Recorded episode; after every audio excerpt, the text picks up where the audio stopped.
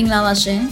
ရေရေမုံမုံပို့ပို့ပပရဲ့အပတ်စဉ်ပုတ်တဟူးနေ့မနေ့10:00နာရီတိုင်းတင်ဆက်နေကြဖြစ်တဲ့တက်သစ္စာလူငယ်ကဏ္ဍကနေကြိုဆိုလိုက်ပါရယ်ဒီ podcast ကတော့မြမလူမှုနယ်ပယ်ကစိတ်အားတက်ကြွပွဲဇလန်းစုံကိုအများသူငါကိုမတန်ဆွမ်းမှုအသိပညာမြင့်တင်ပေးဖို့အတွက်လွတ်လပ်တဲ့တွေးခေါ်ဆင်ခြင်နိုင်မှုတွေနဲ့မျှဝေလိုကြသူတွေရဲ့အသံတွေကိုပြုစုပြောင်းထောင်ဖို့တည်ထောင်ထားခြင်းဖြစ်ပါတယ်။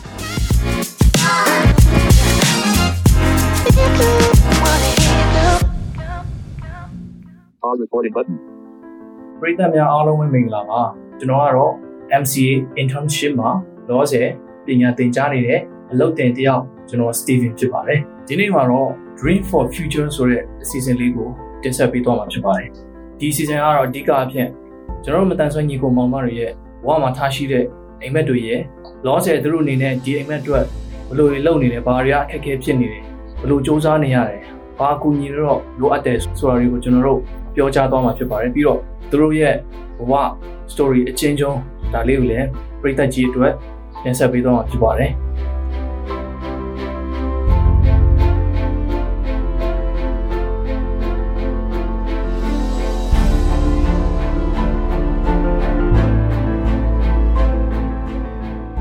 ဆိုတော့ကျွန်တော်ဒီကနေ့မှာ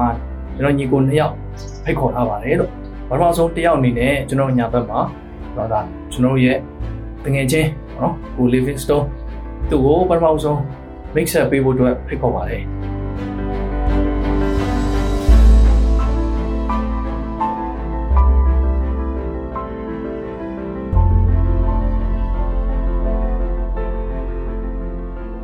ဟုတ်ကဲ့ပါခင်ဗျာပြည်သက်များအားလုံးမင်္ဂလာပါကျွန်တော်ကတော့ဟလာကျွန်တော်နာမည်ကတော့ Living Stone လို့ခေါ်ပါတယ်အဲ ကျွန်တော်ကကျွန်တော်ရမ်းပဲခင်တဲ့တကယ်ချင်းတွေကကျွန်တော်ရဲ့နာမည်ကို Stone လို့အဲ့လိုမျိုးနောက်နောက်ပြောင်ခေါ်ကြတယ်ဒါပေမဲ့ကျွန်တော်ကတော့အဲ့ဒီထိတ်ပြောင်းမှရှိတဲ့ Living ဆိုတဲ့နာမည်ကိုခေါ်ရင်ပို့ပြီးတော့မှကြိုက်ပါတယ်လို့အဲ့လိုမျိုးခေါ်ရင်ကျွန်တော်ကနည်းနည်းပို့ပြီးတော့မှချစ်စရာကောင်းတယ်လို့ကျွန်တော်ထင်တယ်ဟုတ်ကဲ့ပါဆိုတော့ကျွန်တော်အနေနဲ့လည်းဒါဟိုအားလုံးပေါ့နော်သူ stone လို့ခေါ်တာပုံများတယ်ပေါ့နော်ဆိုတော့အခုသူပြောလိုက်တော့လဲဒါနောက်ပိုင်းကျရင်ကျွန်တော်လိုက်ပြီးတော့ဖြန့်ပေးပါမယ်လို့ ဆိုတော့ပို့ပြီးတော့ချစ်စရာကောင်းတဲ့နာမည်လေးနဲ့ပေါ့နော် follow ရအောင်ဆိုတော့ကျွန်တော်အခုဘယ်ဘက်မှာကျွန်တော်ညီလေးပေါ့နော်ပိုးတာ2ဖြစ်ပါတယ်ကျွန်တော်တို့ချစ်စလုံးနဲ့ပိုးတာ2လို့ခေါ်ပါတယ်သူ့နာမည်အရင်ကတော့တီဟာမှာပေါ့နော်ဆိုတော့သူ့ရဲ့ mix ဆက်စကားအတန်လေးကိုလည်းကျွန်တော်တို့တစ်ချက်လောက်နားဆင်ကြည့်အောင်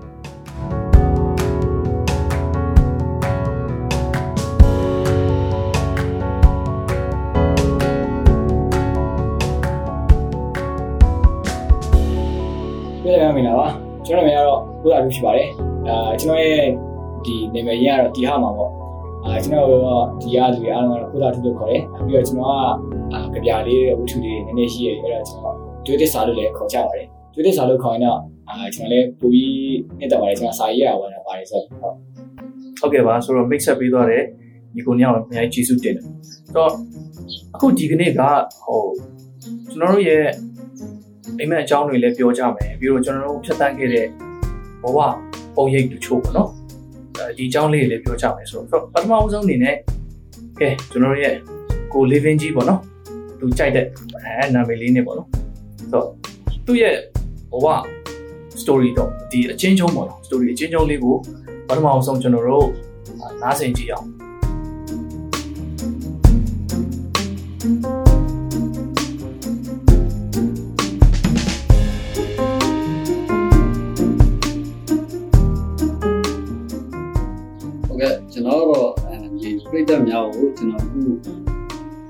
ပြောပြချင်တဲ့ကျွန်တော်ရဲ့ဘဝအချင်းချင်းလေးကိုကျွန်တော်မျက်စင်ကလေးကဘဝအချင်းရနေပြီးတော့မှအခုလက်ရှိအချင်းလေးထိကျွန်တော်ပြိတ္တတွေအားလုံးကိုကျွန်တော် sharing လုပ်ချင်တယ်ဆိုတော့ကျွန်တော်ကဘာလို့လဲ sharing လုပ်ရတဲ့အကြောင်းရင်းကဘာလဲကျွန်တော်ရဲ့ဘဝဖြတ်တန်းခဲ့ပုံကိုပြိတ္တတွေအားလုံးသိမြင်ခံစားသိချင်လို့ဖြစ်တယ်ကျွန်တော်ဒီငယ်တော့ကျွန်တော်ရွာမှာနေတော့ဆိုရင်ဟုတ်လားကျွန်တော်တငယ်ချင်းတွေကဒီ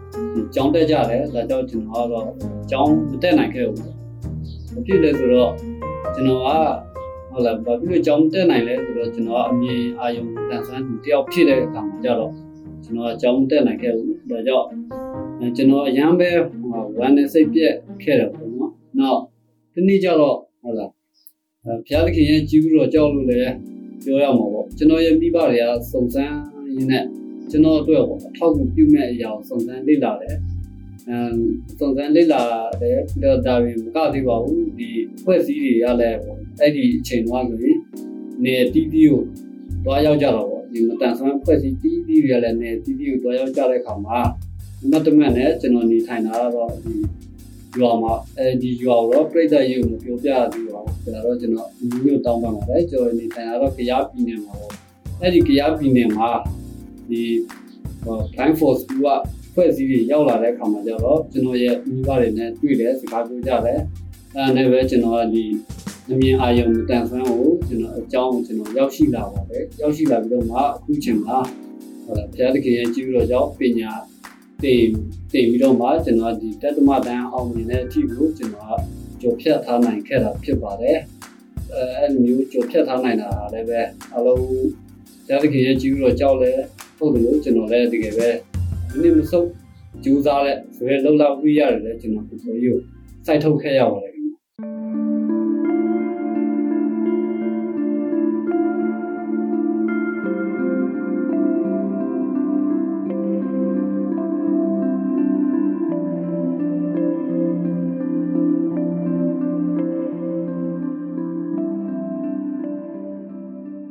ဟုတ်ကဲ့ပါဟုတ် ကျေးဇူးအများကြီးတင်တယ်ပေါ့နော်ဒါသူ့ရဲ့ဘဝအချင်းချင်းလေးပေါ့နော်ဟုတ်ကဲ့ကျွန်တော်တို့နောက်တစ်ယောက်ပေါ့နော်ကျွန်တော်ညီငယ်လေးသူကလည်းသူ့ရဲ့ဘဝပေါ့နော်ဖြတ်တန်းခဲ့တဲ့ပုံရိပ်တွေအချင်းချင်းလေးကိုအခုပြန်ပြီးတော့ပြည်သက်ကြီးကိုဝေမျှပေးသွားမှာဖြစ်ပါတယ်ကျွန်တော်ရဲ့ဘဝအကြောင်းဆိုရင်တော့ကျွန်တော်က AR တိုင်းဒေသကြီးဘန်နော်မြို့ရဲ့ကြီးရွာလေးတစ်ခုမှာပဲကျွန်တော်ကမူဖခဲ့တယ်ကျွန်တော်ကအမြအယုံတန်ဆွမ်းသူတယောက်မှကျွန်တော်ကကျွန်တော်ဟိုအစရကျွန်တော်မိဘတွေလည်း မတိခဲ့ကြဘူးပေါ့ကျွန်တော်ကျွန်တော်6လသားလောက်မှာသူကကျွန်တော်ကိုချီမှခေါ်တော့ကျွန်တော်ကနေဦးကြည့်ရင်ဒီမျက်တောင်မခဲဘူးမျက်တောင်မခဲဘူးဆိုတော့သူကပြောတယ်အေးငါတို့သားကနေဦးကြည့်ရင်မျက်တောင်မခဲဘူးဆိုတော့အမြအယုံတန်ဆွမ်းသူတယောက်လားပေါ့အဲ့လိုဆိုတော့သူတို့သိရအစကစိတ်သက်ကြားကြတယ်ဒါပေမဲ့တော့ဘာဖြစ်ဖြစ်သူတို့ကျွန်တော်အကောင်းဆုံးအဲကျွန်တော်တို့ပြုစုကြတယ်ကျွန်တော်က2013မှာဒီကျွန်တော်ရဲ့မိဘတွေရဲ့ခြားခြားတော့ကျွန်တော်ရဲ့ မိတ်ဆွေရဲ့ကိုကြီးနဲ့ရန်ကုန်မြေကြောင်ရလာခဲ့တယ်အဲကျွန်တော်တတန်းမီတတန်းတနေ့မီတနေ့ညီလာတင်ကြားခဲ့တယ်အခုတော့ကျွန်တော် grade 8ပေါ့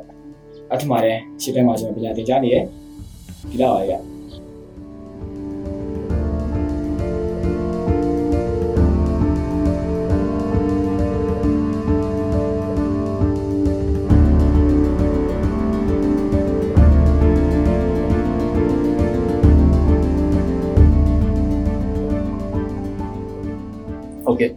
ဆိုတော့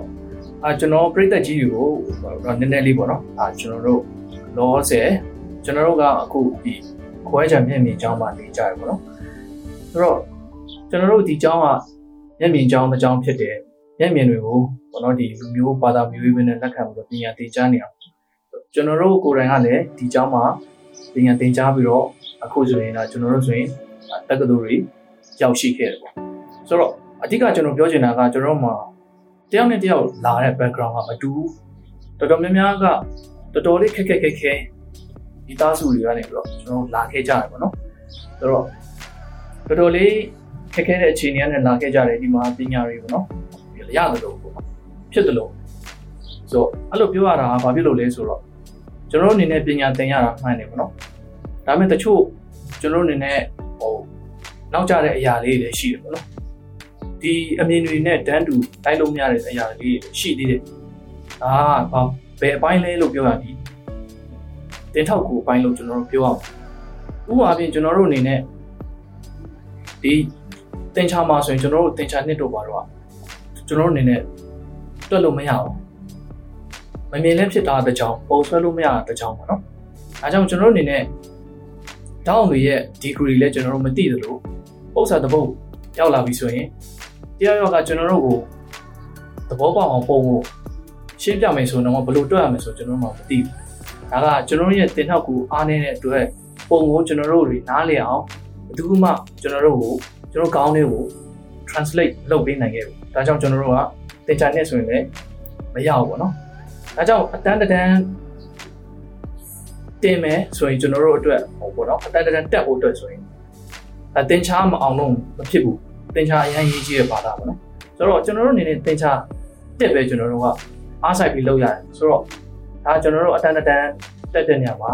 အခက်ခဲပေါ့နော်ဒီလိုလေးဖြစ်တယ်စာမေးပွဲမှာသင်ချာနဲ့အတွက်လည်းအမှတ်တချို့မိကုန်းတချို့ရှိတယ်အဲ့ဒီဟာကျွန်တော်တို့အတွက်ကလုံးဝဆုံးရှုံးပြီးသားဖြစ်သွားတယ်ပေါ့နော်ဆိုတော့နောက်ပိုင်းကျတော့ဤပညာရဲ့မြင့်လာရင်တော့ဒါဒီခက်ခဲလဲကြော်လွားနိုင်တယ်လို့ညွှန်လင့်ထားတာပေါ့ဒီခုချိန်ကြီးကတော့တင်ချာနဲ့ကကျွန်တော်တို့အတွက်တွက်လို့မရတဲ့ တင်ချာပေါ့နော်ပုံစံဖြစ်နေသေးပဲပေါ့ဒါကြောင့်မလို့ကျွန်တော်တို့ပေါ့နော်ဒါစူးစမ်းရတယ်ပေါ့နော်ဒါကတော့ပိတ်သက်တွေကိုဟောရင်တောင်ပေါ့ပြောပြခြင်းဖြစ်ပါတယ်ဆိုတော့အခုကျွန်တော်ထပ်ပြီးတော့သူတို့မြောက်သူတို့နှစ်ယောက်ကိုမေးချင်တာကသူတို့နှစ်ယောက်ရဲ့ဘဝမှာပေါ့နော်အာရည်စရာဖြစ်ရင်ဖြစ်မယ်ဒါမှမဟုတ်ဝမ်းနည်းစရာဒါမှမဟုတ်ပျော်စရာပေါ့နော်ဒါမှမဟုတ်ရမှတ်မှတ်ရရသင်ခန်းစာရစရာတို့ဘာလို့ညာလို့ပေါ့နော်စသဖြင့်အမှတ်တရလေးရှိကြမယ်လို့ကျွန်တော်ညွှန်လင့်နေပါတော့ဆိုတော့ ကျွန်တော်ကကဲဒီတခါတော့ညီလေးပေါ့နော်ညီလေးပို့တာထူကနေပြီးတော့စပြီးတော့အမှတ်တရလေးတစ်ခုနှစ်ခုလောက်ပေါ့နော်ပြောပြပေးသွားဖို့အတွက်ကျွန်တော်ဖိတ်ခေါ်ချင်ပါတယ်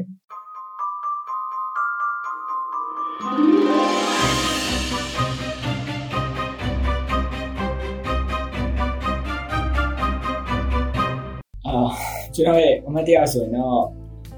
ကျွန်တော်ကအမြန်ရုံတက်ဆန်းဒီလို ကျွန်တော်ကကျွန်တော်စတည်တယ်တည့်ရဲ့ချန်စပြီးကျွန်တော်ကအာတည့်ရဲ့ဆိုရင်ဒီတိုင်းမနေဘူးကျွန်တော်ဘက်မှာဒီတာမန်ဒီနေ့ပဲဆိုတော့ကျွန်တော်တာမန်ဒီလုတ်တယ်အကောင်ကောင်ကျွန်တော်လိုက်လုတ်တယ်အာဟိုမှာတစ်ပင်တက်တယ်ကျွန်တော်လည်းလိုက်တက်တယ်ပြီးတယ်လိုက်ပြီးတယ်အာရွှေစာဆုံးများသူတို့စကားတွေကြည့်ပြီးအမျိုး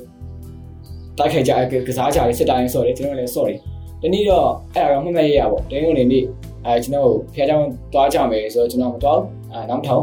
ရမတော်မှာတကယ်ချင်းရလေးရှိရပြီကျွန်တော်တို့တပင်တက်ကြတယ် တပင်ကတော့ဒီလိုရှိရပြတပင်နဲ့တပင်ကနည်းနည်းဝေးတယ်ဒါပေမဲ့ဟိုကအကိုင်းထိတ်နေဒီဘက်အကိုင်းထိတ်နေတာသူကဆက်ထားတယ်အဲ့ဒါကိုတကယ်ချင်းနေအမြင်နေဆိုတော့အရင်ဟိုခိုခုံပြီးတော့ကူးကြတယ်အကူမှသူတို့ပြောကြအောင်အဆုံခုံဆုံခုံပေါ့ပြောကြတယ်ကျွန်တော်လည်းအရင်အားချတယ်အဲ့ဒါကျွန်တော်လည်းလိုက်လိုက်လို့တယ်တစ်ခါနှစ်ခါရတယ်လို့လို့ရတယ်ဗျအာနောက်တော့ကျွန်တော်လည်းမသိဘူးသူကကျွန်တော်အတန်မပြီးချဘူးရသူကသူကဟိုဟိုဖြစ်လာလည်းမဟုတ်ပါဘူးဒါပေမဲ့ဒီတိုင်းတက်တက်သူကစတာရှိမှာပေါ့အတန်မပြီးပြီးတော့ကျွန်တော်လည်းခူလိုက်တာ ဆွဲတော့ဆွဲမိဗျတိရွနှစ်ရွရဲ့တစ်ဖြောက်ကိုဆွဲမိရဟိုမှာကျွန်တော်ဒီအာ maybe 7ปีလောက်ရှိမယ်ထင်တယ်အဲ့ရတယ်ကျွန်တော်ပြုတ်ပြုတ်ကြတယ်အဲ့တော့ကျွန်တော်ရဲ့ကြီးစရာလည်းဟုတ်တယ်ပြီးတော့အဲတင်ငယ်စာရစရာလည်းဟုတ်တယ်အမတ်တရားတစ်ခုပေါ့အာနောက်တစ်ခုပြောရမယ်ဆိုရင်တော့အာဒီလိုပေါ့ကျွန်တော်တို့ရွာမှာမြေရှိရလေကျွန်တော်အရာတွေမြေ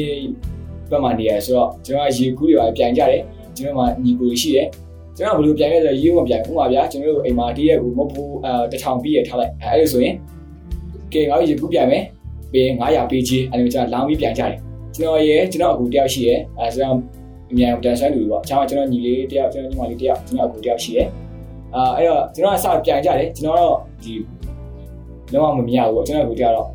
ပါရှယ်ပေါ့အနေနဲ့မြင်ရတယ်ပေါ့အဲ့နဲ့ကျွန်တော်ပြန်ကြတယ်တနေ့ကျတော့အဲ့လိုပဲ ဒီကတော့ဂျင်းနေနဲ့ကြည့်ရဲတထောင်ကြီးပြန်မယ်အာကျွန်တော်လည်းပြန်နေအားကြောက်မခံပေါ့အခုလည်းရေကူးတယ်ဆိုတော့ပြရှင်လေးသူကမှမြင်လဲလာကြည့်ကြတယ်ဆိုတော့အဲ့နဲ့တင်းကကျွန်တော်ရေကူးကြတယ်အစတော့ဟုတ်တယ်သူကအတန်ပေးကြသူတို့ရဲ့ရေကူးတဲ့အတန်ကိုကျွန်တော်ကြားတယ်ကျွန်တော်တို့နဲ့လိုက်ကူးတယ်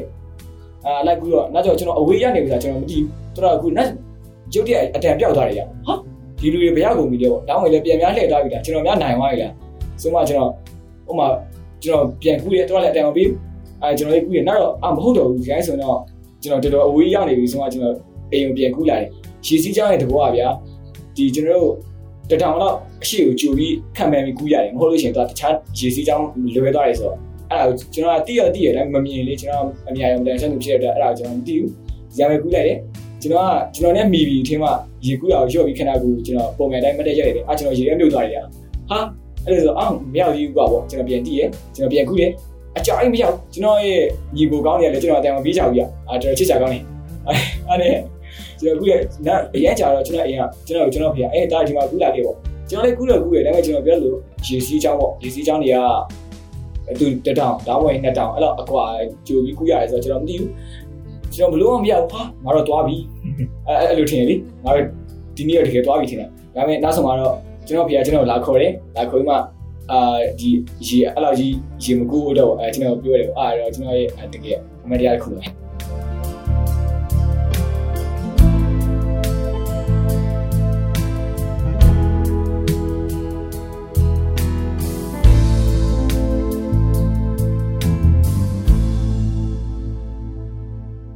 ဟုတ်ကဲ့ဘောအဲဒီအမှတ်တရတွေကတကယ်ဟိုပြောမှဆိုတာကဟိုရည်စရာလည်းကောင်းတယ်လို့ ကြောက်စရာလည်းကောင်းတဲ့အမှတ်တရတွေပေါ့နော်ဆိုတော့နှစ်ခုစလုံးကတော်တော်လေးကိုဟိုမှတ်မှတ်ရရဖြစ်မဲ့အမှတ်တရတွေပါပဲလို့ဆိုတော့ကဲကျွန်တော်တို့ရဲ့ goal living ကြီးရောဗာများပေါ့နော်အမှတ်တရရှိခဲ့တယ်ပေါ့อืมကျွန်တော်ဘွားရဲ့အမတ်တရားကတော့ဟုတ်လားတချို့ကတော့ကျွန်တော်ကျွန်တော်ကိုယ်ကိုယ်တိုင်လည်းသင်ခန်းစာဖြစ်ခဲ့တဲ့အမတ်တရားလေးတွေရှိပါတယ်တချို့ကတော့ဟုတ်လားရည်စရာအမတ်တရားလေးပုံစံမျိုးလည်းဖြစ်ခဲ့တယ် ကျွန်တော်ပထမဦးဆုံးအမတ်တရားတစ်ခုကိုပြောပြမယ်ကျွန်တော်ငယ်တော့ကျွန်တော်တကယ်ကြုံတွေ့ခဲ့တဲ့အမတ်တရားတစ်ခုအဲ့ဒါကဘယ်လိုပုံစံမျိုးလဲဆိုတော့ကျွန်တော်နည်းနည်းထူးခြားတယ်ထူးခြားတယ်ဆိုတာကတော့အဲ့ဒါပြိတ္တတွေပဲစဉ်းစားပြီးတော့မှသုံးသပ်ပေးကြည့်ပဲကျွန်တော်ကိုယ်ကိုယ်တိုင်လည်းမသိတာတခုကပါလဲဆိုတော့ကျွန်တော်ကိုယ်တိုင်ပဲအရန်ပဲတော်လို့လားသုံးဖို့ကျွန်တော်ကိုယ်တိုင်ပဲအရန်ပဲညံ့လို့လားဆိုတော့ကျွန်တော်မခွဲခြားတတ်ဘူးလို့အဲ့ဒါဘယ်လိုလဲဆိုတော့ ကျွန်တော်ကအဲ့ဒီငငယ်တော့မမြင်တယောက်ဖြစ်တယ်ဆိုတော့ကျွန်တော်ကိုယ့်ကိုယ်ကိုလုံးဝကျွန်တော်သိခဲ့တယ်ဒီတာမန်လူတွေကြားထဲမှာနေတဲ့အခါမှာကျွန်တော်ကိုယ့်ကိုယ်ကိုအမြင်အာရုံမတန်ဆွမ်းလူတယောက်ဆိုတော့ကျွန်တော်လုံးဝကျွန်တော်သိခဲ့တယ်အဲ့ဒါမသိခဲ့တဲ့မသိခဲ့ဘူးဆိုတာလည်းဘာကြောင့်မသိနိုင်တယ်လဲကျွန်တော်လည်းမစဉ်းစားမိဘူးဘာသိလဲဆိုတော့သူတို့စော့သူတို့ကျွန်တော်စော့တယ်ပြင်းကြတော့သူတို့ကကျွန်တော်ကို လက်ဝိထိုးမလားလက်ဝိထိုးကြီးကစားမယ်မှလာပြီးစိတ်ပေါ့တော့ကျွန်တော်လည်းကစားမယ်ပြောတော့အေးကဲဒါဆိုတော့လက်ဝိထိုးကြီးကစားရအောင်ပြောတဲ့အခါမှာသူကအဲ့ဒီကျွန်တော်နဲ့မျက်နှာချင်းဆိုင်သူကနေတယ်သူပထမဆုံးတော့သူကကျွန်တော်အတန်ပြီးအဲ့ဒါနဲ့ကျွန်တော်တို့ကဒီထိုးကြတော့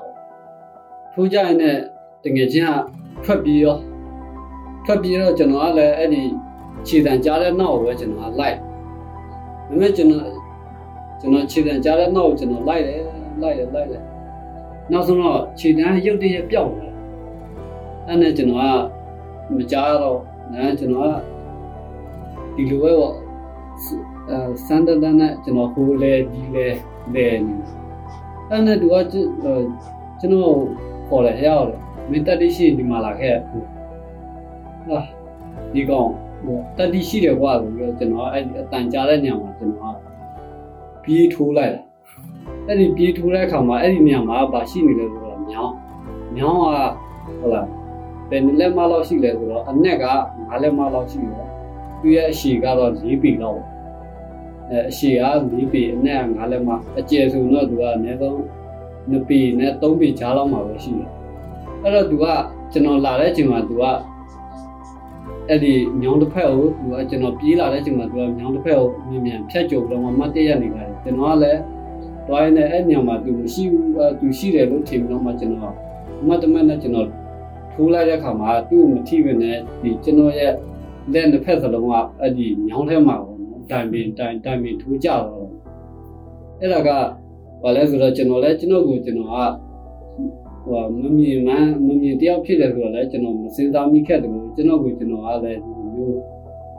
တာမန်လူတွေလို့ပဲတာမန်လူတွေလို့ပဲကျွန်တော်ကအဲ့လိုမျိုးထင်မြင်ခဲ့တယ်ကျွန်တော်အဲ့လိုမျိုးတီးတီးတော့တဲ့အချိန်ကပဲချိန်လဲဆိုတော့ကျွန်တော်ရဲ့ဒီအသက်9နှစ်အရွယ်လောက်မှာကျွန်တော်တီးသွားတယ်။ဘာဖြစ်လို့အဲ့ချိန်မှာတီးတာလဲဆိုတော့မြင့်မြင့်ကြောင်းမခမအဲအဖွဲ့အစည်းကကျွန်တော်တို့ဒီမှာလာတဲ့အခါမှာကျွန်တော်အမေကကျွန်တော်မြင့်မြင့်ကြောင်းကုမယ်ဆိုတော့လို့ပြောမှပဲကျွန်တော်ကျွန်တော်ကိုကျွန်တော်မမြင်ဖြစ်မှန်းကျွန်တော်တီးတော့တဲ့အခြေအနေမျိုးပဲ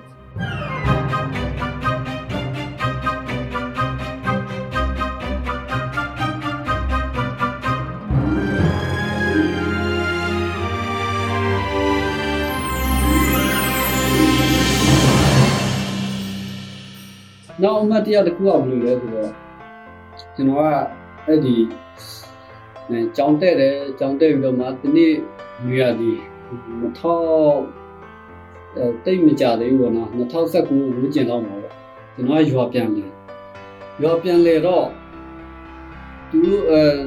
ကျွန်တော်ကတည့်ရဒီစားချင်ရင်အများနဲ့ကျွန်တော်အမိကိုပဲကျွန်တော်ခူးခိုင်းတယ်ပုံမကျွန်တော်ညီလေးကိုကျွန်တော်ခူးခိုင်းတယ်အဲ့တော့တခါတလေကျတော့သူတို့အားတဲ့ချိန်ကျတော့ခူးပေးတယ်သူကမအားတဲ့ချိန်ဆိုတော့သူတို့မခူးပေးဘူး။တော့ကျွန်တော်ကစဉ်းစားတာကွာလို့ဒီတည့်ဒီကစားချင်တဲ့ချိန်မှာစားလို့ရရချင်တယ်ကွာ။တ ဘယ်အချိန်မှဖြစ်ဖြစ်သူတို့ခူးပေးနေဖြစ်တယ်ခူးပေးနေဖြစ်တယ်စားလို့ရတဲ့အခြေအနေလည်းဖြစ်ချင်တယ်ပြီးတော့တချို့မျက်မြင်တွေကတော့တစ်ပင်ပေါ်တဲ့တယ်ပြောတယ်ကြားလဲကြားဘူးလေတင်ငယ်ချင်းတွေထဲမှာအဲ့လိုတစ်ပင်ပေါ်တဲ့တယ်ဒါပေမဲ့ကျွန်တော်ကတခါမှမတဲ့ဘူးတော့ကျွန်တော်ကအဲ့လိုမျိုးစမ်းတက်လဲစမ်းတက်ချင်တယ်စမ်းတက်ချင်တဲ့အခါမှာတော့ကျွန်တော်ကရင်လဲရင်တော့ကြောက်လဲကြောက်တယ်တကယ်ကျွန်တော်ကြောက်တယ်အဲ့ဒါနဲ့စမ်းတက်ချင်တယ်ကျွန်တော်မစမ်းတက်ရ ဘူးအဲ့နဲ့စားချင်တိုင်းအမေခေါ်လိုက်ညီလေးခေါ်လိုက်နေပဲနောက်ဆုံးသူတို့တွေကြတော့ဟုတ်လားပြပြမတဲလိုက်ခူးလိုက်ပြန်ဆင်းလိုက်နောက်ဆုံးကျွန်တော်ကလည်းစိတ်ရမ်းလှုပ်ရှားလာတယ်စိတ်ပြင်းထန်လာတယ်စမ်းသက်ခြင်းနဲ့စိတ်ပြင်းထန်လာတယ်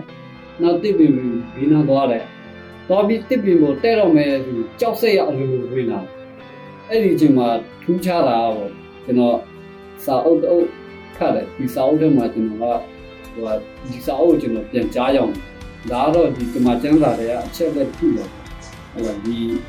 ဟိုပြည်ရန်နေနေတဲ့ဆိုတော့ဒါဖတ်ဘူးပြီးပြီးခေါင်းရှိကြအောင်အဲ့ဒါကဘာလဲဆိုတော့စူးရင်ချင်းအဖြစ်လူတွေရဲ့အသက်တာတတောင်ခန့်မြသူဝါစီနိုင်မလားဆိုတဲ့ဒီခင်ရှုမိတဲ့အချက်လက်ကိုကျွန်တော်နားထဲမှာပြန်ကြားရအောင်ဟာငါဒီလိုကြောက်ရွံ့စူးရင်နေလို့ရှိရင်တော့ငါရဲ့စဉ်းစားမှုအတိုင်းပေါ့ကိုယ့်ရဲ့ရည်မှန်းချက်အတိုင်းကိုစံတက်ခြင်းနဲ့ စံတက်ဖို့အတွက်စဉ်းစားတဲ့အရာတွေအားလုံးအောင်မြင်မှာမဟုတ်ဘူးဒါကြောင့်ဒီဆိုရင်ချင်းမရှိမှပဲဟုတ်လားအောင်မြင်နိုင်မယ်ဆိုပြီးတော့ကျွန်တော်စဉ်းစားမိပြီးတော့မှစွန့်စားပြီးကျွန်တော်တစ်ပြီးကိုတက်လိုက်တယ်ပထမတစ်ခေါက်တက်တယ်ဖုတ်ပြီးတော့မှမြေကြီးပေါ်ပြန်ပြုတ်ကျလာနောက်ကျွန်တော်ဇွဲမလျှော့ဘူးဒုတိယတစ်ချိန်ကျွန်တော်ထပ်တက်တယ်ဖုတ်ပြီးတော့မှမြေကြီးပေါ်ပြန်ကျလာနောက်ဆုံးတတိယအကြိမ်မှာကျတော့ဟုတ်လားဟိုတစ်ပြီးမြင့်ကြီးကိုရောက်ပြီးတော့မှတည့်ရကြီးကိုလည်းကျွန်တော်ရဲ့ လက်နဲ့ကျွန်တော်စုပ်ကင်နိုင်ခဲ့ပါတယ်ဒါကြောင့်ကျွန်တော်ရဲ့အမတ်တရသင်ခန်းစာရဖို့လဲကောင်းတယ်လို့တကယ်လဲအမတ်တရသူဖြစ်ပါတယ်။ဒါဆိုသင်ခန်းစာရဖို့ဆိုတာဒီပြိတ္တတွေအနေနဲ့ပေါ့ကျွန်တော်တိုက်တုံးချင်တာကတော့တခုခုလောက်တော့မယ်ဆိုဘယ်တော့မှစိုးရိမ်စိတ်ကြောက်ရွံ့စိတ်တွေကိုမထားပါနဲ့ဒီစိုးရိမ်တဲ့စိတ်ကြောက်ရွံ့တဲ့စိတ်ဆိုတာကိုယ့်ရဲ့ဘဝကိုနောက်နေစေတာပဲဖြစ်ပြီးတော့မှဒီစိုးရိမ်စိတ်ကြောက်ရွံ့တဲ့စိတ်ကိုဖယ်ရှားနိုင်တဲ့သူကဘဝမှာတကယ်ပဲ တိုးတက်နိုင်တဲ့လူဆိုတာကျွန်တော်သင်ခန်းစာရခဲ့ပါတယ်။ဒါကြောင့်ဒီအမတ်တရလေးကိုလည်းပြည်သက်တွေအားလုံးဒီမှာ sharing လုပ်ပေးတာဖြစ်ပါတယ်။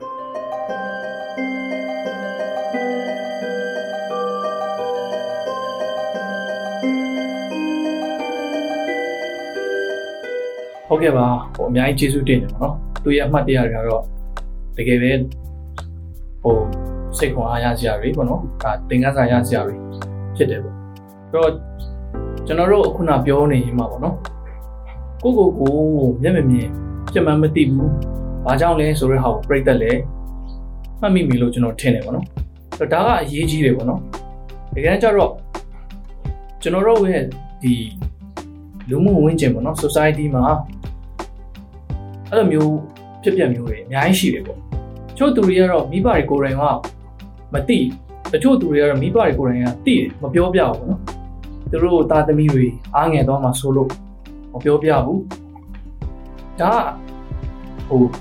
ချစ်ရမရောက်ဘူးလေနှစ်ရရောက်သွားပေါ့တော့ဘယ်ရမဆိုမှန်ကုန်မှန်တိုင်းသိပြီးတော့ရှေ့ဆက်တာအကောင်းဆုံးပဲပေါ့နော်ဆိုတော့ဒီမှာအဲ့ဒီသင်ခန်းစာလည်းရမယ်လို့ထင်နေပေါ့အဲတချို့မိဘတွေကအရန်ချစ်တဲ့ခါကျတော့ရရပါတော့ဟိုသူတို့ကပဲလုပ်ပေးတာအာမျိုးတွေကဟိုတချို့လုပ်ပေးရမယ့်အရာတွေရှိတယ်ပြစ်မနေလုပ်ပေးရမယ့်အရာတွေရှိတယ် ဒါပေမဲ့သူတို့ဘာသူတို့လုပ်နိုင်တဲ့အရာတွေလည်းရှိတယ်ဆိုတော့ဟိုဒါမိဘတွေအနေနဲ့လေ့လာဖို့တင်တယ်ပေါ့နော်ဒါကတန်ဆွမ်းပေါ့နော်ဒါမမြင်မှမဟုတ်ပေါ့နော်တခြားကြသောမတန်ဆွမ်းမိဘတွေအနေနဲ့လည်းတချို့ချို့သောအရာတွေကိုသူတို့ကိုလောက်ခိုင်းလို့ရတယ်ဆိုတာလေးတွေပေါ့နော်ဘယ်အရာတွေကသူတို့သားသမီးနဲ့အဆင်ပြေမယ်ဆိုတာတော့ကိုယ်ကိုယ်တိုင်ပဲဟိုလမ်းလုပ်ပြီးပေါ့ကိုယ်ကိုယ်တိုင်ပဲလေ့လာပြီးတော့အစမ်းသက်ကြည့်ပေါ့နော်ဟိုကိုယ့်အနေနဲ့လည်းဟိုလုံးဝလက်လွတ်လိုက်တာမဟုတ်ဘဲနဲ့ထိန်းချောင်းပြီးတော့ သူတို့ကိုတစ်ဖြည်းဖြည်းနဲ့လှုပ်လို့ရတဲ့အရာတွေကိုလောက်ခိုင်းခြင်းအဖြစ်ယုံကြည်မှုတွေကိုထည့်ပေးရရောက်တယ်ပြီးတော့သူတို့ဘဝကိုလည်းတိုးတက်စေနိုင်တယ်ပေါ့နော်ဆိုတော့အခုကျွန်တော်တို့သူတို့ရဲ့အမှတ်တရတွေအဲသူတို့ခင်စင်ကနေခုချိန်ထိပေါ့နော်ဘဝဖြတ်တန်းခဲ့တဲ့အချင်းချင်းလေးပေါ့နော်တကယ်အချင်းချင်းလေးပါပဲအဲဒါလေးတွေကျွန်တော်တို့ကြားပြီးပြီဆိုတော့သူတို့ရဲ့အိမ်မက်ပေါ့နော်ခုနပြောခဲ့တဲ့သူတို့ကတကယ်ပေါ့နော်ဒီရန်ကုန်ကတယောက်မှမပါဘူးပေါ့နော်အားလုံးက ကြေးရွာလာကြတဲ့သူပေါ့နော်ကျွန်တော်ကအစအဲ့ဒီသူတွေရဲ့ရင်းထဲမှာဘယ်လိုမျိုးဟိုအိမ်မက်တွေရှိမလဲပေါ့နော်ဆိုတော့မတန်ဆွမ်းသူတယောက်အနေနဲ့ဒီထဲမှာဘာဖြစ်ချင်လဲဆိုတော့ကိုပြိတ္တတွေရောသိကျင်တာပေါ့နော်ဆိုတော့ကျွန်တော်တို့သိကျင်တယ်ဆိုရင်တော့ဆက်ပြီးတော့ကျွန်တော်တို့နားထောင်ကြည့်အောင်ပေါ့သူတို့ရင်းထဲမှာတကယ်တော့ဘာဖြစ်ချင်နေဘာတွေကတော့ဟိုဖြစ်ချင်ပေမဲ့အခုချိန်ထိဘာမှလုပ်လို့မရသေးဘူးအဲ နောက်တစ်ခုကကြတော့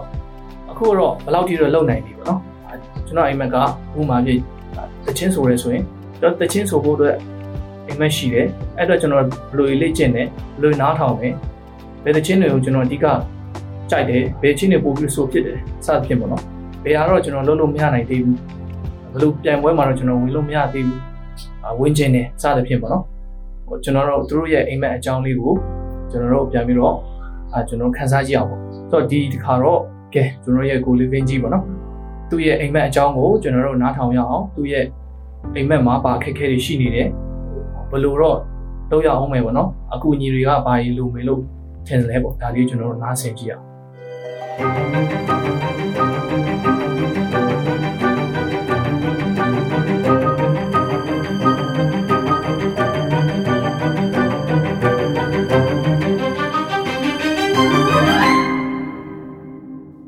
တော်ရဲ့ဒီ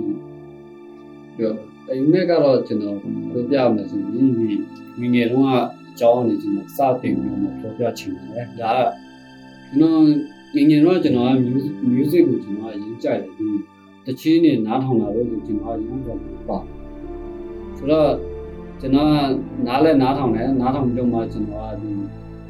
ကိုကိုယ်တိုင်လဲဒီမျိုးအဆူတော်ဖြစ်ချင်ခဲ့တယ်ကျွန်တော်အဆူတော်လဲကျွန်တော် ဖြစ်ချင်ခဲ့တာလဲဟုတ်တယ်လို့ဖြစ်လဲဖြစ်ချင်နေတာလဲဒါပေမဲ့ကျွန်တော်အဲ့ဒီတော့ဆိုရင်ကျွန်တော်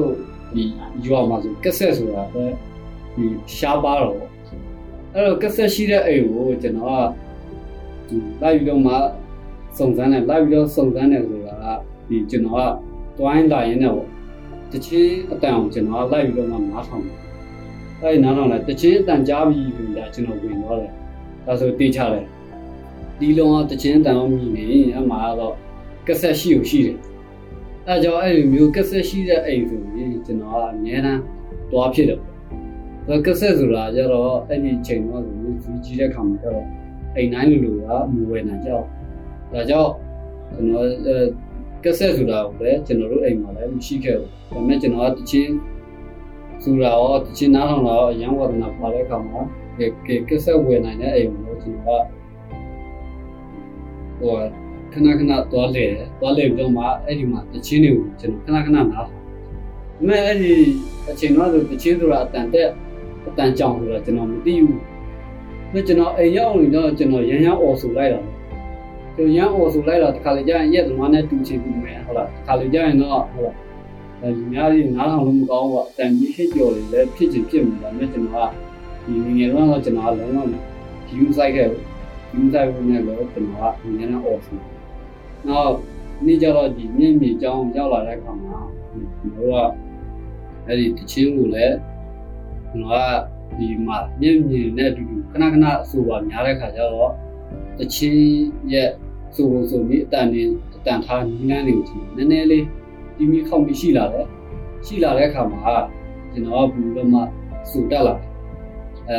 စူအနေချင်းပေါ့တာမန်လူတွေဤသူစူတက်လာတော့အရန်ကြီးအတန်ကောင်းတဲ့လူတွေမျိုးတော့ကျွန်တော်ကတော့လုံးဝမစူနိုင်ဘူး။ဒါကျွန်တော်ကအဲ့ဒီမှာပဲကြောင်းတက်ကြောင်းတက်ရင်းနဲ့ကျွန်တော်ရဲ့အိမ်မက်ကကျွန်တော်ရဲ့ဖြစ်ချင်တဲ့စိတ်ဝေဒနာတွေကပြောင်းလဲသွားတယ်။အဲ့ဒါပါလဲဆိုတော့စာရေးဆရာ။စာရေးဆရာကျွန်တော်ရန်ပြန်ပြီးတော့ဖြစ်ချင်လာတယ်။ဖြစ်ချင်တဲ့အခါမှာကျတော့တစ်ခါလေးစိတ်ကူးပေါက်ရင်ကျွန်တော်ကကြပြားတွေဝတ္ထုတွေကိုကျွန်တော်ကရေးတယ်။ ရေးပြီးတော့မှပဲအများနဲ့ကျွန်တော်ထင်းထင်းထားတော့မရှိဘူးတခါလေကြာရင်ကိုယ့်ရဲ့စိတ်ကစိတ်တက်ကြပြီးတော့မှဒီကြပြလေးဝတ္ထုတွေကိုရေးပြီးတော့ဥစားတွေကမဖြစ်နိုင်တော့မမှန်ကန်တော့ဘူးဆိုတော့မှကျွန်တော်အများနဲ့ပြန်ပြီးမှအဲဖြောက်ပြတာလည်းရှိခဲ့တော့။ဒါကျွန်တော်ကတော့ဒီမျိုးနဲ့ပတ်သက်လို့ရှိရင်ကျွန်တော်ကဘာဖြစ်ချင်လဲဆိုတော့စာရေးတာကိုကျွန်တော်ဒီဝတ္ထုရေးနည်းတို့ကြပြရေးနည်းတို့ အဲလိုမျိုးတင်တင်တင်ကြားခံယူရတာကိုလည်းကျွန်တော်လုပ်ချင်တယ်အဲ့ဒီဝတ္ထုရေးပြန်ပွဲလို့ဟုတ်လားကြာရေးပြန်ပွဲလို့ဆိုတော့ကျွန်တော်ကပြန်ချင်ကျွန်တော်အကြီးကပူပြီးဝါဒနာပါတာဒီဝတ္ထုနဲ့ကြာတယ်မှာဝတ္ထုကျွန်တော်ကပူပြီးမောဝါဒနာပါတော့အဲ့ဒီပြန်ပွဲကိုလည်းကျွန်တော်ကဝင်တော့ဝင်ပြန်ချင်တယ်ဒါပေမဲ့အဲ့လိုမျိုးဟုတ်လားတတ်မှတ်ထားတဲ့ပြန်ပွဲဆိုတာလည်းကျွန်တော်ရဲ့နောက်ပတ်ဝန်းကျင်မှာတော့ကျွန်တော်မကြောက်ဘူးပြီးတော့ခုတိဝင်ပြန်မှုလုံးရှိနေတယ် ကျွန်တော်ရဲ့အိမ်မက်ကတော့နည်းနည်းလေးကြာရင်တော့ကျွန်တော်ကဒီတဲ့စာရေးဆရာတယောက်ဖြစ်ရမယ်ဆိုတာတော့ကျွန်တော်စိတ်ထဲမှာတော့တန်နေတန်ချလာပါတ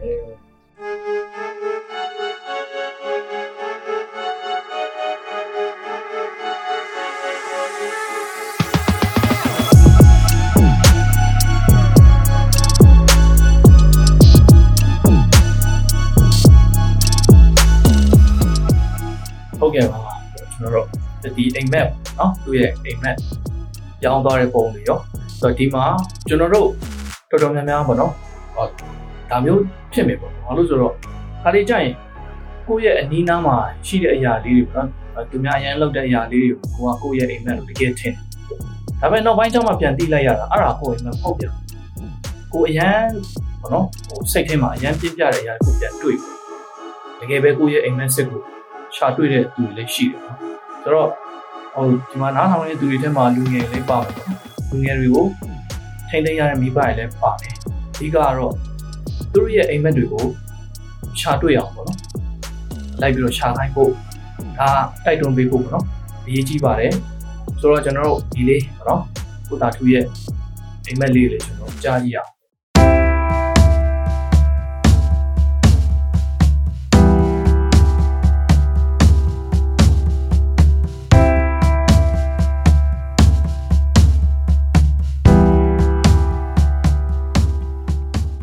dream ဆိုရင်တော့ဟုတ်အာကျွန်တော်လည်းခုနပထမပြောထားတဲ့ brother လိုပါပဲကျွန်တော်အစတော့ဘာဖြစ်ရှင်လဲဆိုတော့အာဒီကျွန်တော် size ဆရာဖြစ်ရှင်စစ်စားဖြစ်ရှင်တယ်ကျွန်တော်ကျောင်းလာတယ်ရုံးခန့်မှာဆုံးမကြည့်ရပြီးကြည့်လိုက်မလုပ်ဘူးကျွန်တော်လည်းစာရေးမယ်ဘုရားရေးမယ်အဲ့ဒါဆိုကျွန်တော်ကရောင်ဆိုတော့ဒီရှေ့ခေတ်ဆက်လိုက်ရင်ခေတ်ဆက်ဆရာဆရာမင်းတင်ခါလို့မင်းမြတ်သူကအဲ့လို size ဆရာရဲ့ slang တွေကိုထူတွေကို ဖတ်ပြရတယ်နားထောင်ပြရတယ်ပေါ့ကျွန်တော်ဒီဒီဒီလေးညွှန်လေးဖတ်ပြရတယ်ဆိုတော့ size ဆရာဖြစ်ရှင်တယ်ကျွန်တော်ကိုယ်တိုင်လည်းဒီ၃လလောက်တွေကနေကျွန်တော်ဝတ္ထုလေးရေးဖြစ်တယ်ကြာအဲ့ပြလေးရေးဖြစ်တယ်ဝတ္ထုလေးရေးဖြစ်တယ်အဲကျွန်တော်ဆောင်ရှိရဲ့ဒီအခုကြောက်နေမျိုးသူ့တော့ပြပြရပဲကျွန်တော်ဒါလေးတော့ဘယ်လိုချင်းရှိလဲဘယ်လိုချင်းရှိလဲရေးဖြစ်တယ်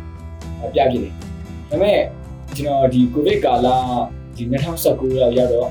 ကျွန်တော်လည်းအာပြောင်းသွားတယ်ပေါ့ကျွန်တော်ဗာဆက်လာအဲ့တော့ ကွန်ပျူတာဆက်ဝင်စားတယ်ဆက်ဝင်စားလာတယ်ပေါ့ကွန်ပျူတာ trainer ဖြစ်ဖို့အတွက်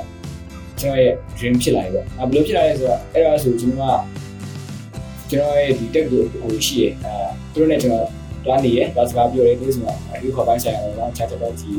ပညာပေါ့အဲတွားရှိပေါ့အဲဆိုတော့ကွန်ပျူတာသုံးတဲ့အကူတယောက်ရှိရဲ့အဲကျွန်တော်ဒီနေ့အရင်တွားနေသူကွန်ပျူတာသုံးတယ်ပေါ့သူသုံးတာကိုကျွန်တော်သူအခုကျွန်တော်ကွန်ပျူတာတင်ခဲ့ဆိုတော့ငါကွန်ပျူတာတင်ရမဟုတ်ဘူးပေါ့အဲမျိုးအလုပ်ဆိုင် အလုပ်တစ်ခုရှိတောင်းရှိလို့အဲ့ဒါလုပ်နေတာဆိုတော့တော့ကျွန်တော်နားအောင်နဲ့ဒီလိုတော့ကျွန်တော်နားအောင်နဲ့ပြင်ကျွန်တော်မှတ်တယ်အာမှတ်တယ်ဆိုပြီးကျွန်တော်အဲ့လိုလေ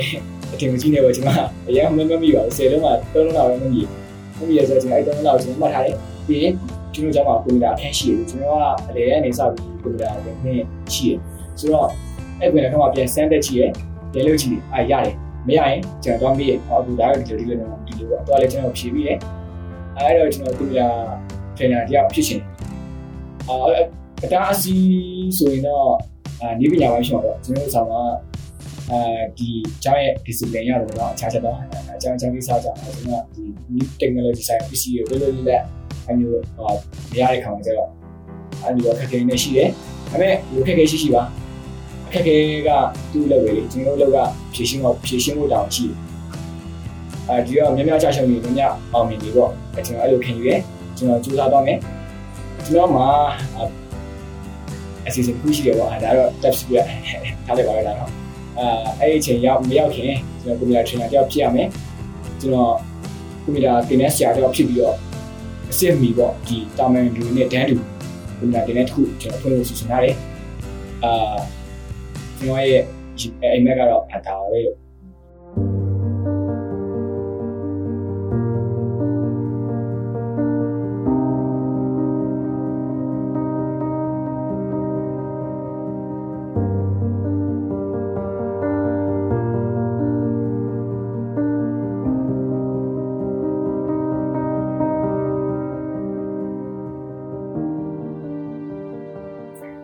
အဒါအရန်ကောင်းတယ်ပေါ့နော်အခုတိုးတက်လာတဲ့ဒီခေတ်ရဲ့ပုံစံအရဤပညာဆိုင်ရာပေါ့နော်အနေပဲမှာကျွန်တော်အနေနဲ့အများကြီးကျွန်တော်အနေနဲ့ explore လုပ်ရမယ်ရှာဖွေရမယ်ပေါ့နော်ဆိုတော့ကျွန်တော်တို့ computer trainer ပေါ့နော်အဲ line မှာရှိလားဆိုရှိတယ်ပေါ့နော်တကယ်လည်းရှိတယ်အဲဒီညီလေးဖြစ်ချင်တဲ့ပုံစံမျိုးလည်းဖြစ်လိုက်ရင်ဖြစ်လိုက်တယ် အော်နောက်ပိုင်းကျရင်ပို့ပြီးတော့ဖြစ်နိုင်တယ်ပေါ့နော်အခုကျွန်တော်တို့ဒီတန်ဆောလောကမှာတော့၎င်းပေါ့နော်ကျွန်တော်ဒီ blind လောကမှာတော့၎င်းဒီ computer ဘက်မှာထူးထူးချွန်ချွန်နဲ့ပေါ်ပေါ်မြောက်မြောက်နဲ့ရှိနေတဲ့သူတွေကွန်ပျူတာပညာရှင်လို့ပြောရမယ့်အဆင့်ထိအဲပေါင်းမြောက်နေတဲ့သူတွေလည်းရှိတယ်ဆိုတော့ဒါနောက်ပိုင်းကျရင်အရေးအတွက်ကဒီထက်ပိုတော့များလာဖို့ရှိတယ်ဒီမှာသူလည်းပါနိုင်တယ်ဒါသူလုပ်ရင်ပါသွားမှာပဲဆိုတော့ ကျွန်တော်ကတော့ကျွန်တော်တို့ရဲ့ဒါမတန်ဆွမ်းနေမတန်ဆွမ်းညီကိုတွေရဲ့အိမ်မက်တွေကိုချပြပြီးပြီကျွန်တော်တို့ဒီလိုမျိုးလုပ်နေပါတော့ဆိုတော့ကျန်တဲ့ကျွန်တော်တို့မတန်ဆွမ်းလောကခြားညီကိုတွေရောခြားသောတန်ဆွမ်းလောကကတခြားသောတာမန်ညီကိုတွေရောပေါ့နော်ဒီအိမ်မက်တွေနားထောင်လိုက်ခြင်းအဖြစ်သူရဲ့ဘဝသူရဲ့အတွေ့အကြုံတွေနားထောင်ခြင်းအဖြစ်တခုခု ရသွားလိမ့်မယ်လို့ကျွန်တော်မျှော်လင့်နေပါတော့။ဆိုတော့ဒီကနေ့စီစဉ်မှာပေါ့နော်ပါဝင်ပေးကြတဲ့ကျွန်တော်ညီကိုလည်းအများကြီးကျေးဇူးတင်။ကျွန်တော်တို့ကိုအားပေးပြီးတော့နားဆင်ပေးကြတဲ့ပရိသတ်တွေလည်းအများကြီးကျေးဇူးတင်တယ်။ကျွန်တော်အနေနဲ့ကျွန်တော်ရဲ့ဘဝပိုင်းစားလေးတွေကိုတခုခုနော်ရသွားပါစေဆိုပြီးတော့ကျွန်တော်လည်း sharing လုပ်ပေးခြင်းဖြစ်ပါတယ်။ဆိုတော့နောက်ဆုံးအနေနဲ့ပေါ့နော်အဲကျွန်တော်ဒီညီကိုမြောက်ပေါ့နော်သူတို့အနေနဲ့ပရိသတ်တွေကို အားပေးစကားတောင်းဖို့နေနေပေါ့နော်စကားလေးပေါ့ရင်သွင်းရစကားလေးတစ်ခွန်းလောက်ပေါ့နော်ပြောပြီးတော့ကျွန်တော်မြင်လာရက်ခံတယ်ဆိုတော့ကဲကျွန်တော်တို့ဟိုလေးလေးပေါ့နော်သူကစပြီးတော့ရင်သွင်းစကားပရိသတ်တွေကိုပါများနောက်ဆုံးအနေနဲ့ပြောချင်တယ်ပေါ့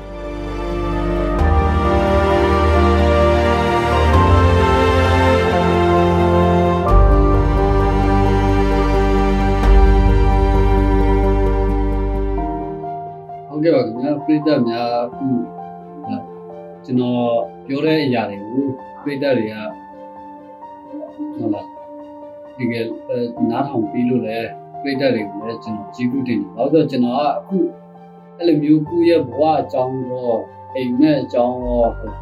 မပြောလိုက်ရတဲ့ခါမှာလည်းကျွန်တော်ကနာမည်ဝမ်းတာတယ်ဝမ်းတာပြီးပြီးဖြစ်တယ်။ဒီခါလေကြာရင်ပေါ့ကျွန်တော်တို့ဆိုအဲ့လိုမျိုးတကယ်ချင်းချင်းပြောချင်နေတာကြားတယ်ဒါပေမဲ့မပြောဖြစ်ခဲ့ဘူးပေါ့ ခါကြရင်စိတ်ထဲမှာတင်ထားလို့မရဘူးရှန်ထွက်လာတယ်ဒါပေမဲ့ဒီခါလေးပေါင်းသေးနေပြောဖြစ်တဲ့ခါမှာကျတော့လေပေါင်းသေးနေကသူကလည်းတူဆိုတော့ဟုတ်လားအဲတိတ်ပြီးတော့မှ view တိုက်နိုင်လာတာမရှိခဲ့ဘူးဒါဖြစ်ဒါကြောင့်ဒီ plate တွေကိုကျွန်တော်ကြီးခွင့်ရတဲ့ခါမှာလည်းကျွန်တော်ကဒီ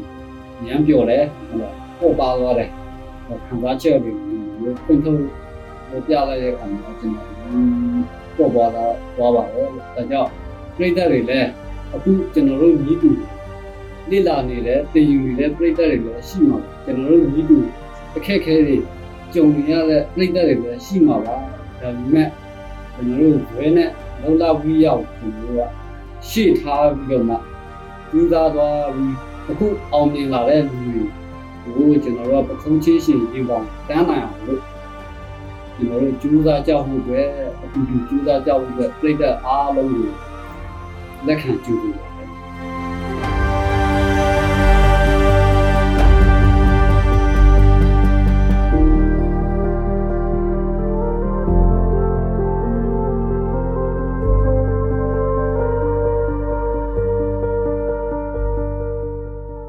ဟုတ်ကဲ့ပါဆိုတော့ညီလေးဘာလို့ညီလေးနေနေရောဗာများ ပရိသတ်တွေကိုအောက်ဆုံးနေနဲ့ရင်သွင်းစကားပေါ့နော်ပြောချင်တယ်ကျွန်တော်ရဲ့ဒီအနေငယ်တော့ topic လေးကိုနားထောင်ပြီးရပြည်တယ်အားလုံးကိုကျွန်တော်ကျေးဇူးတင်ပါတယ်ကျွန်တော်ဒါမျိုးမမျှော်လင့်ခဲ့ပါဘူးအာဒါပေမဲ့ကျွန်တော်ရဲ့ဒီအာဟိုကြောင့်အချိန်ကြီးရလာတယ်ဒီခွင့်ယူရလာတယ်ကျွန်တော်ရဲ့ဒီအိမ်မက်တွေဒီ dream တွေလွတ်လွတ်လပ်ကျွန်တော်ချပြခွင့်ရတယ်ရင်ဖွင့်ခွင့်ရတယ်ပေါ့ဒီပြည်သက်တွေအများကြီးရင်ဖွင့်နေဆိုတော့ပိုပြီးပေါ့ပါတော့ပေါ့ဟုတ်ကျွန်တော်ပြောချင်တာကတော့ ဆရာ motion IMG ရဲ့သူစိတ်သက်ကြတဲ့ဖတ်ဖို့ဆိုတဲ့စာအုပ်ဒီရဲ့စကားစုတစ်ခုဖြစ်ပါတယ် I am a slow worker but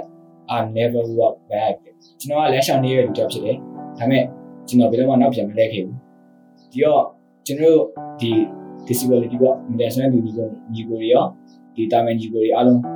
ကျွန်တော်ကဘလောက်ပဲလမ်းရှောင်နေရလို့ဖြစ်ပါစေဘယ်တော့မှအနောက်ကိုမကြည့်ပါနဲ့ကိုသွားရမယ့်ပန်းနိုင်ကျွန်တော်တို့အတူကသွားကြပါစို့လို့ပြောချင်ပါတယ်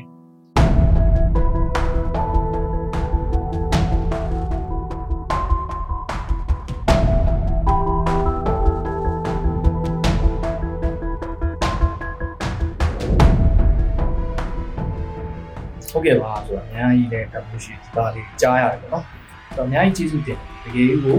ကျွန်တော်လည်းကျေးဇူးတင်ခါတိုင်းပြောရင်အဲကျွန်တော်တို့အနေနဲ့ကြောင်းတဲ့တယောက်ပေါ့နော်ဒီလိုဆွေးနွေးပြီးတော့စကားပြောရမယ်ချင်းချင်း share လုပ်ရအောင်နော်ဒါကကျွန်တော်တို့နောက်ပိုင်းတိုးတက်လာတဲ့ခေတ်ကြီးမှာတိတ်မရှိတော့ဘူးဘာဖြစ်လို့လဲဆိုကျွန်တော်တို့မှာအချင်းချင်းပြောဖို့အတွက်ဆိုင်လုပ်ဖို့တက်ဆိုင်ကျွန်တော်ချင်းဆွေးနွေးဖို့တက်ဆိုင်လေ့လာရမယ့်အရာတွေ အများကြီးရှိတဲ့ခါကျတော့ကျွန်တော်တို့အဲ့ဒီဟာကိုလည်းကျွန်တော်တို့စောက်ချပြီးလုပ်တဲ့ခါကျတော့ကျွန်တော်လူသားအချင်းချင်းရုပ်ဆိုဆွေးနွေးတာတွေတိတ်ပြီးမရှိတော့ဘူးเนาะအဲ့တော့ကျွန်တော်တို့ရဲ့ဘုဆက်ဆိုင်ရေး social ကပုံစံကပြောင်းလာတာပေါ့နော်ဒါလေးကိုလည်းတတိထားမိဖို့အတွက်အဲကျွန်တော်ကနေငယ်ပေါ့နော်အာဒီမောင်းထိုးပြလို့ခြင်းဖြစ်ပါတယ်ဆိုတော့ဒီနေ့အစီအစဉ်မှာနားဆင်ပေးကြတဲ့ပရိသတ်တွေအများကြီးကျေးဇူးတင်တယ်ကျွန်တော်တို့ ကျွန်တော်ပေါ့နော်လာလာပြီးတော့ဖိတ်ခေါ်တဲ့ခါမှာလာပြီးတော့ပြောပြတဲ့ညီကိုညောက်လည်းအများကြီးကျေးဇူးတင်ဟုတ်ကဲ့ကျွန်တော်အစီအစဉ်ကတော့ဒီလောက်ပါပဲပရိသတ်ကြီးအားလုံးသူပဲကျေးဇူးတင်ပါ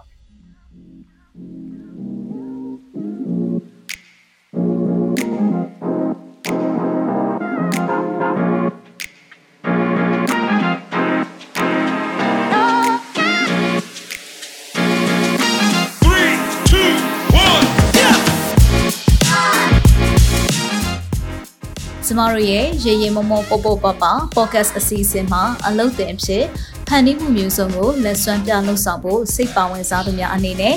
Google Form ကနေပြီးတော့မှမိမိတို့ရဲ့မှတ်ပုံတင်ရှင်းနှောင်းနဲ့အလှတက်ပုံတစ်ပုံအပြင်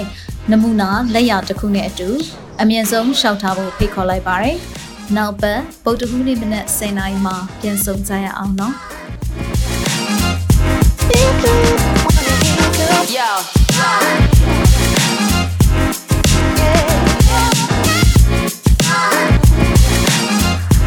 Here you wanna hear you go.